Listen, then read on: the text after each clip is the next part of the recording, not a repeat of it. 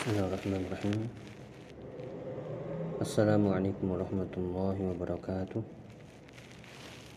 Alhamdulillah Wassalatu wassalamu ala rasulillah Wa ala alihi wa sahbihi wa mawala Wa la hawla wa la quwata illa billah wa ba'du Allahumma alimna ma yanfa'una Wanfa'na bima alamtana wa zidna ilma Allahumma aslih syu'unana kullaha Wa la takilna ila anfusina tarfata ain Alhamdulillah para muslimah dirahmati Allah taala.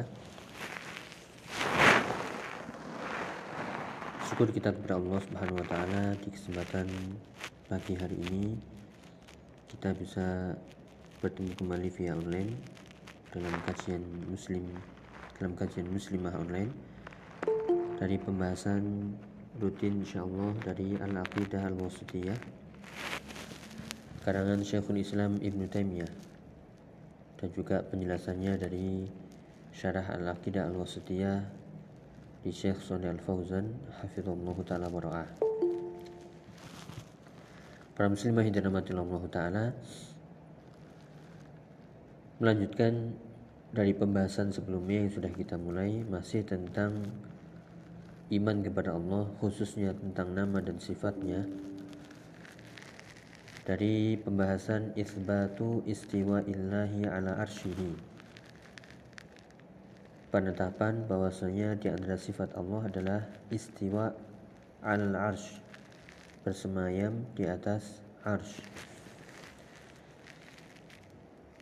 Istawa dalam bahasa Arab telah disebutkan di pertemuan sebelumnya dari penjelasan Syekh Shalih Al-Fauzan hafizallahu taala.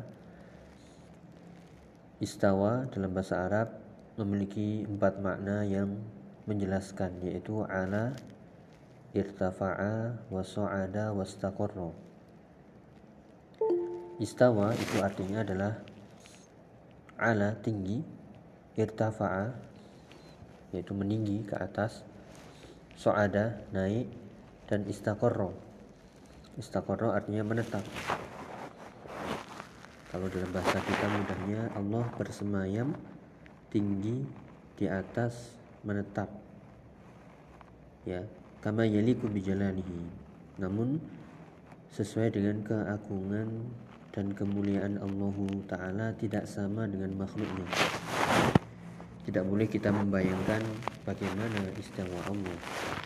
Seperti apa? Apakah itu seperti makhluk? Naiknya seperti makhluk menetapnya seperti makhluk ini yang harus kita jauhi sebagaimana yang sering kita ulang-ulang dalam penetapan akidah asma wa sifat yaitu tanpa tahrif atau takwil tanpa merubah-rubah maknanya tanpa ta'til menolak dan tanpa takyif menanyakan bagaimana bagaimananya dan tanpa tamsil atau tasbih menyerupakan dengan makhluknya Hal ini sebagaimana yang diucapkan oleh Imam Malik ketika beliau ditanya tentang istiwa. Kaifal istiwa? Beliau menjawab, istiwa itu maknanya maklum, sudah jelas yaitu tinggi ke atas menetap secara bahasa. Wal kaifu majhul dan bagaimana yaitu yang majhul yang kita tidak mengetahuinya. Kita serahkan kepada Allah Subhanahu wa taala Al-imanu bihi wajib, beriman tentangnya wajib, wasu'alu anhu bid'atun. Dan bertanya tentangnya adalah bid'ah yang tidak pernah ditanyakan oleh para sahabat Nabi Shallallahu Alaihi Wasallam. Dan kita mendengar pertanyaan seperti ini di majelis beliau, ya, beliau memendam amarah, kemudian mengusir orang yang bertanya tadi. Karena ini adalah pertanyaan yang layem bagi tidak sepantasnya ya iman tentangnya wajib pertanyaan tentangnya itu adalah bid'ah. Maknanya jelas. Dan begitu pula dengan sifat-sifat Allah yang lain. Sifat wajah sifat tangan ya dan sifat-sifat yang lain yang berkaitan dengan dengan zat Allah dan juga sifat-sifat yang lain. Kama yaliku bijalalihi harus diikuti dengan sebagaimana keagungan atau seperti atau sesuai dengan keagungan dan kebesaran Allah Ta'ala tidak sama dengan makhluknya ya, ini kaidah yang harus kita ya kita pahami dan juga kita imani dalam akidah asma wa sifat. Kemudian di ayat berikutnya di surat Ar-Ra'd ayat 2 penulis menyebutkan firman Allah taala Allahul ladzi rafa'a as-samawati bighairi 'amadin tarawnaha thumma istawa 'alal 'arsy wa sakhkhara asy-syamsa. Ini potongannya ayatnya. Yang artinya Allahul ladzi rafa'a samawat. Dialah Allah yang rafa'a as-samawati bi ghairi amad dialah Allah yang meninggikan mengangkat langit bi ghairi amadin tanpa tiang. Kama tarawna kau lihat ini adalah kekuasaan Allah Subhanahu wa taala menciptakan langit tanpa tiang menciptakan atap tanpa tiang tidak sebagaimana ciptaan makhluk kalau makhluk manusia menciptakan atap pasti ada tiangnya, ada penyangganya. Namun kekuasaan Allah, innallaha ala kulli syai'in qadir. Maha suci Allah dan juga maha kuasa Allah menciptakan segala sesuatu sehingga kita lihat langit tanpa tanpa atap dan langit tanpa tanpa tiang langit tanpa penyangga. Ini subhanallah. Yaitu rafa'a anil ardi raf'an ba'idan. Bahkan dijelaskan oleh Syekh Shalal Fauzan, dialah Allah yang mengangkat langit ini tanpa tiang, ya tanpa penyangga, atap, ya langit sebagai atap, tapi tidak ada penyangganya, tidak ada tiangnya. Bahkan mengangkatnya dengan setinggi mungkin jauh dari bumi, jauh dari daratan. La yanalu wa la yudriku madam. Bahkan dikatakan tidak ada yang mengetahui seberapa jaraknya antara langit dan bumi yaitu rafa'a raf'an ba'ida. Allah mengangkatnya dengan ya jarak yang sangat jauh. Tidak ada yang mengetahuinya. Tidak ada yang mengetahui batasnya. Bi ghairi amadin tarawnaha yaitu tanpa tiang yang sebagaimana engkau lihat sebagaimana kita lihat al amad di sini adalah al asatin jam'u imad yaitu tiang-tiang. Inilah kekuasaan Allah Subhanahu wa taala yang menciptakan langit sebagai atap namun tanpa tiang. Inilah yang harus menjadi uh, tambahan iman kita kepada Allah Subhanahu wa taala dalam masalah rububiyah dan kekuasaan Allah. Allah Maha kuasa atas segala sesuatu. Segala sesuatu bagi Allah itu adalah mudah. Dan segala sesuatu bagi Allah adalah sesuatu yang amat sangat mudah bagi Allah tanpa ya menciptakan sesuatu tanpa ada permisalan sebelumnya tanpa bantuan ya dari makhluk sedikit pun atau tanpa sekutu dari sesama-sama lain ini harus kita yakini tidak ada uh, pendamping. Allah tidak memiliki pendamping tidak memiliki sekutu sebagaimana yang kita sebutkan di pembahasan sebelumnya. Allahu wahid Allahu ahad Allah itu satu yaitu la syarikalahu tidak ada sekutu baginya. Wa huwa ala kulli syai'in qadir. Dan Allah Maha berkuasa atas segala sesuatu. Ya kita lihat langit qaimatun bi ghairi amad langit berdiri ya. Di atas tegak bi ghairi amadin tapi tanpa tiang. Ta'tamidu 'alaiha bal bi qudratihi subhanahu wa ta'ala. Yaitu tanpa tiang yang dijadikan sandaran. Sebagaimana tadi kita sebutkan atap ya bagaimanapun adanya itu pasti ada penyangganya namun kita lihat langit tidak ada penyangganya sama sekali. Ya zalika uh, fadlullah itulah keutamaan Allah dan juga kudratuh dan juga kekuasaannya. Ya kemudian Tauraunaha di sini adalah yang sebagaimana kau lihat tauraunaha sebagai takkid untuk menekankan bahwasanya benar-benar langit itu enggak ada tiangnya. Bighairi amadin tauraunaha. Ya tidak ada tiang yang sebagaimana kau lihat ini harus ya menjadi tambahan keimanan bagi kita akan kekuasaan Allah Subhanahu wa taala kebesaran Allah Subhanahu wa taala, kemahakuasaan Allah Subhanahu wa taala. dikatakan oleh Syekh Saleh Al Fauzan waqila laha amadun walakin la naroha ada yang mengatakan mula ini pendapat yang lemah tentunya sebenarnya ada tiangnya namun kita nggak melihatnya namun ini adalah pendapat yang kurang tepat dan pendapat yang sahih itu adalah yang sebagai dalam ayat la taro uh, ghairi amadin tarawnaha yaitu tanpa tiang sebagaimana sebagaimana kita lihat ya secara kasat mata.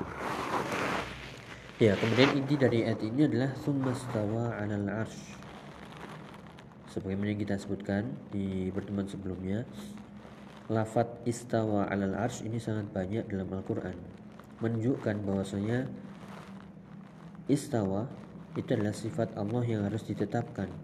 Sebagaimana mestinya, sebagaimana uh, maknanya dan ya menghindarkan diri dari penyerupaan dengan makhluknya kemudian menolaknya ataupun mereka-reka bagaimana bagaimananya ya kalau kita lihat sebagaimana penjelasan Imam Malik tadi yang kita sebutkan begitu banyaknya ayat ini tentunya kalau seandainya ini ditanyakan oleh para sahabat tentunya ada riwayat ya tentunya ada riwayat karena di sini disebutkan ada beberapa ayat. Ada yang di sini saja disebutkan ada sekitar tujuh ayat. Kalau seandainya ayat ini ketika di zaman para sahabat, kemudian para sahabat tidak memahami makna istawa, tentunya akan ditanyakan kepada Rasulullah SAW dan itu akan datang riwayat. Misalnya dari sahabat fulan bertanya kepada Nabi kepada Nabi tentang makna istawa. Namun hal itu tidak ada riwayat sama sekali. Ini menunjukkan bahwasanya istawa sebagaimana kita ambil faedah dari perkataan Imam Malik, istawa itu maknanya sudah jelas secara bahasa sudah paham, mafhum, ala tinggi, irtafa'a yaitu ke atas, tinggi ke atas, so'ada naik, wastaqarra. Istaqarra itu menetap. Allah beristiwa berarti Allah naik meninggi ke atas dan menetap kama yaliku bijalalihi sebagaimana atau sesuai dengan keagungannya, kebesarannya tidak sama dengan makhluknya sedikit pun. Ya, tentunya dari beberapa ayat ya e, sangat jelas bahwasanya ini harus ditetapkan ya tanpa ada ta'til, penolakan, tahrif, ya perubahan makna, takyif, mereka-reka dan juga tanpa tamsil atau tasbih menyerupakan dengan makhluknya. Sehingga sabbihu sabbihu lillahi tasbiha. Sucikanlah Allah dengan sesuci-sucinya tanpa ada aib kekurangan cacat. Allah Maha sempurna segala-galanya. Ya. Kembali ke kemastawa al-arsh. Hadza mahallu syahid. Inilah intinya dari ayat ini yang menjadi bukti dan dalil bahwasanya Allah memiliki sifat istawa. Ya, isbatul istiwa wal kalam ala baqiyatil ayat kal kalam ala hadhihi ayat. Jadi ayat-ayat yang nanti akan disebutkan seputar tentang istawa, summa stawa al arsh, summa stawa al arsh. Ini di surat Ar-Ra'd nanti akan kita sebutkan di bawah ada di surat Al-Furqan, summa stawa al arsh. Di surat As-Sajdah ayat 4, summa stawa al arsh. Al-Hadid, summa stawa al arsh ya dan surat-surat yang lainnya itu dengan lawat dengan lafat summastawa ya meskipun di sebelum lafat itu ada penjelasan tentang sifat Allah menciptakan ya penciptaan makhluk dan seterusnya kembali uh, para muslimin dirahmati Allah taala summastawa yaitu alal ash wa sakhkhara syamsa wal qamar dialah Allah yang menundukkan langit uh, menundukkan bulan dan juga matahari. Ya, setelah menciptakan langit tanpa tiang, kemudian Allah istawa bersemayam tinggi naik ke atas menetap di atas arsnya ya di atas di atas arsnya dan menundukkan bulan-bulan dan ya dan matahari. Kemudian apa faedah dari ayat ini? Yang dikatakan oleh Syekh Shalal Fauzan isbatu istiwa illahi ala arsyihi ala ma yaliku bijalalihi. Ini diulang-ulang penetapan sifat istiwa bagi Allah bahwasanya Allah menetap tinggi menetap ya ke atas di atas di atas ars alama yaliku bijalalihi sesuai dengan keagungan kemuliaannya. Wa fiha raddu ala man awwala al-istiwa bi annahu istila wal qahr. Ini sebagai bantahan. Karena ada yang menafsirkan istawa istiwa itu adalah istila yaitu menguasai berkuasa bukan. Istawa maknanya adalah ala wartafa'a wa sa'ada wastaqarra menetap ke atas tinggi. Ya bukan berkuasa. Bukan istawi ya atau menguasai. Bukan. Ya kemudian wafas wafusira al ars bi annahu al mulk ya juga sebagai bantahan bahwasanya ars itu adalah kekuasaannya. Bukan ars adalah makhluk di antara makhluk makhluk Allah ya sehingga istawa alal ars ada yang mengatakan ini adalah tafsiran yang perlu dikoreksi istaula alal mulki wa qahara wa qahara ghairah. Wa hadha batilun min wujuhin katsira dikatakan oleh Syekh Shalal Fauzan kalau ada yang menafsirkan istawa itu adalah berkuasa dengan kekuasaannya menguasai maka inilah tafsir yang batil. Dilihat dari beberapa sisi ya dilihat dari beberapa sisi. Yang pertama ini penjelasannya. Anna hadha tafsirun muhdath mukhalifun li tafsir salaf min sahabah. Penafsiran bahwasanya istawa itu adalah berkuasa ini adalah tafsir yang baru menyelisihi bahkan menyelisihi tafsir para salaf dari kalangan para sahabat Para sahabat menafsirkan istawa adalah ala wartafa'a wa su'ada wastaqarra seputar makna itu. Tinggi naik ke atas menetap bukan berkuasa. Ya maka dari sini perlunya ketika menafsirkan sesuatu jika itu berkaitan dengan sifat-sifat Allah maka kita lihat maqala Allah wa qala Rasul wa qala sahabat. Apa yang dikatakan Allah?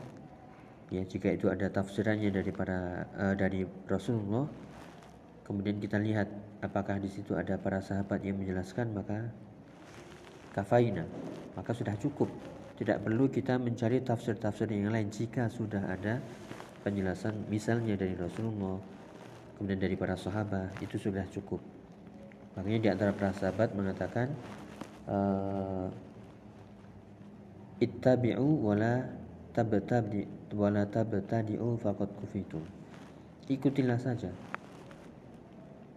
Dan jangan berbuat bid'ah menambah-nambah. Sungguh kalian sudah dicukupkan. Dicukupkan dengan firman Allah, dengan hadis Rasulullah dan juga tafsiran dari para sahabat.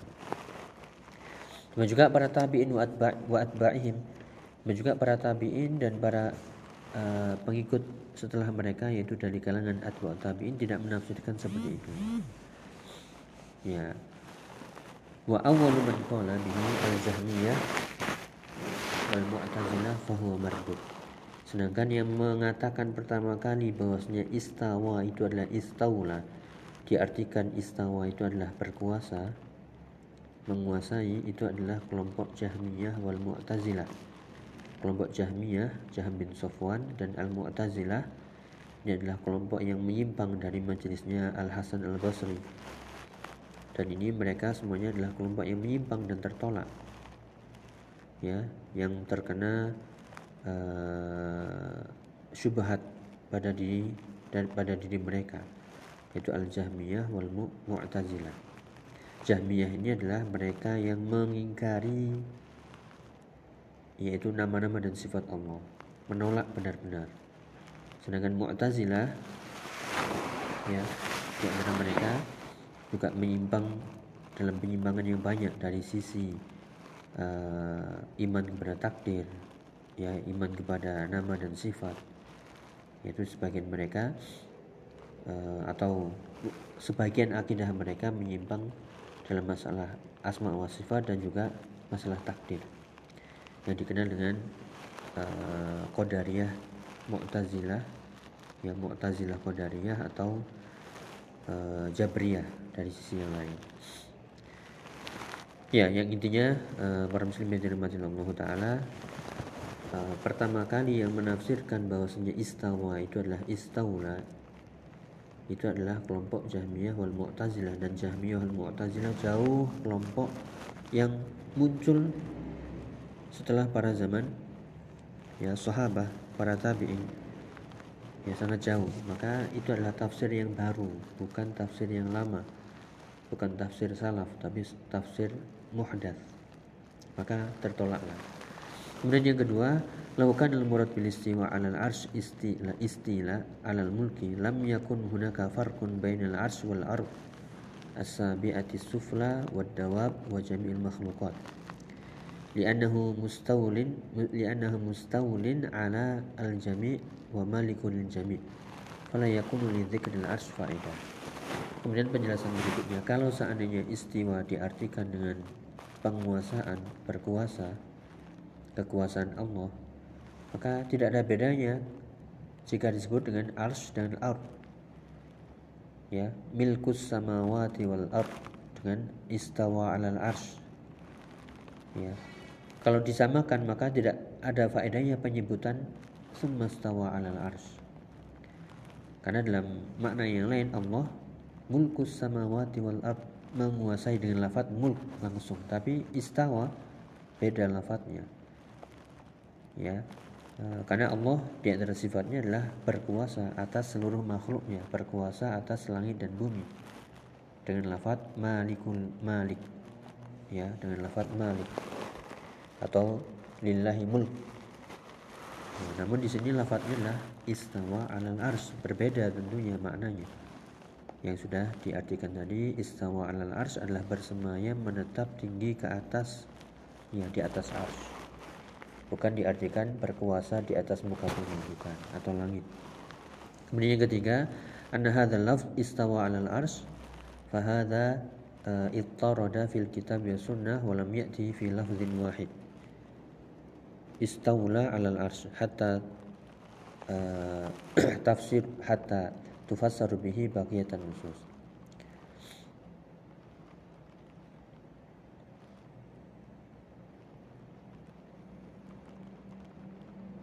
Ya, lafat istawa di sini uh, datang dari Al-Quran dan Sunnah istawa.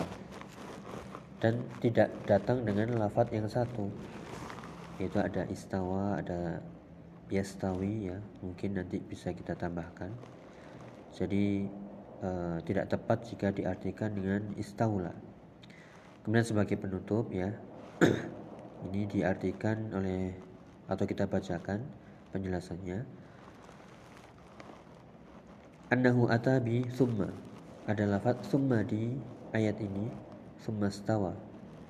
Ini menunjukkan tufidu tartib wal muhlah bahwasanya ada jeda waktu dan juga ada urutan. Falau kana makna istilah istiwa istiwa istilah alal ars wal qudrah alaihi lam yata'akhkhar dzalika ila ma ba' ila ma ba'da khalqis samawati wal ard. Fa innal ars kana mawjudan qabla khalqis samawati wal ard. Jadi di sini penunjukan lafaz summa itu uh, menunjukkan urutan. Ya, Eh, kalau seandainya istawa diartikan istilah maka tidak ada faedahnya penunjukan summa. Jadi secara uh, penjelasannya. Kenapa? Karena kekuasaan Allah itu sudah meliputi segala sesuatu tanpa jeda. Yaitu yang bisa kita ambil uh, faedahnya. Fa kaifa yajuzu an yakuna ghairu qadir wala mustawlin alaihi illa an khalaqas samawati wal jadi kalau seandainya kekuasaan Allah ada jedanya ini adalah batil. Namun di sini summa itu ada tartib urutan yang menunjukkan istawa itu tepatnya maknanya adalah tadi ala irtafa'a ya so'ada tinggi naik ke atas ya bukan diartikan dengan berkuasa maka dari sisi sini inilah uh, tafsiran ista istawa dengan istaula ya diartikan bersemayam itu dengan arti berkuasa. Ini tafsiran yang batil ya. Cukuplah uh, tadi yang penjelasan pertama. Ini dibawa oleh kelompok Jahmiyah wal Mu'tazilah dan Al-Jahmiyah wal Mu'tazilah bukan dari ya Ahlus Sunnah wal Jamaah. Akidah mereka menyimpang. Dari nama dan sifat dan juga masalah takdir dan masalah-masalah yang lainnya ya mereka menyimpang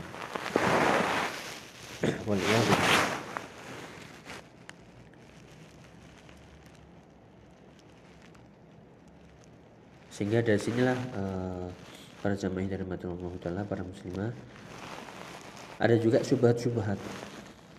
Ya sehingga sebagian orang mengamini istilahnya menyetujui bahwasanya istawa itu maknanya adalah istaula. Kenapa? Muncul syubhat. Syubhatnya adalah ini mulai mereka-reka mulai meraba-raba mulai menanyakan bagaimana bagaimana dengan perkataan atau ucapan atau pertanyaan kalau Allah di atas misalnya, ya berarti memiliki tempat. Ya, berarti memiliki tempat. Dan juga kalau Allah turun langit, turun ke langit dunia, berarti Allah meninggalkan tempat. Berarti tempat Allah kosong. Ya, maka di sinilah subhat-subhat. Maka ini kita buang sejak awal. Laisa kamitslihi syai'un. Allah tidak serupa dengan makhluknya sedikit pun.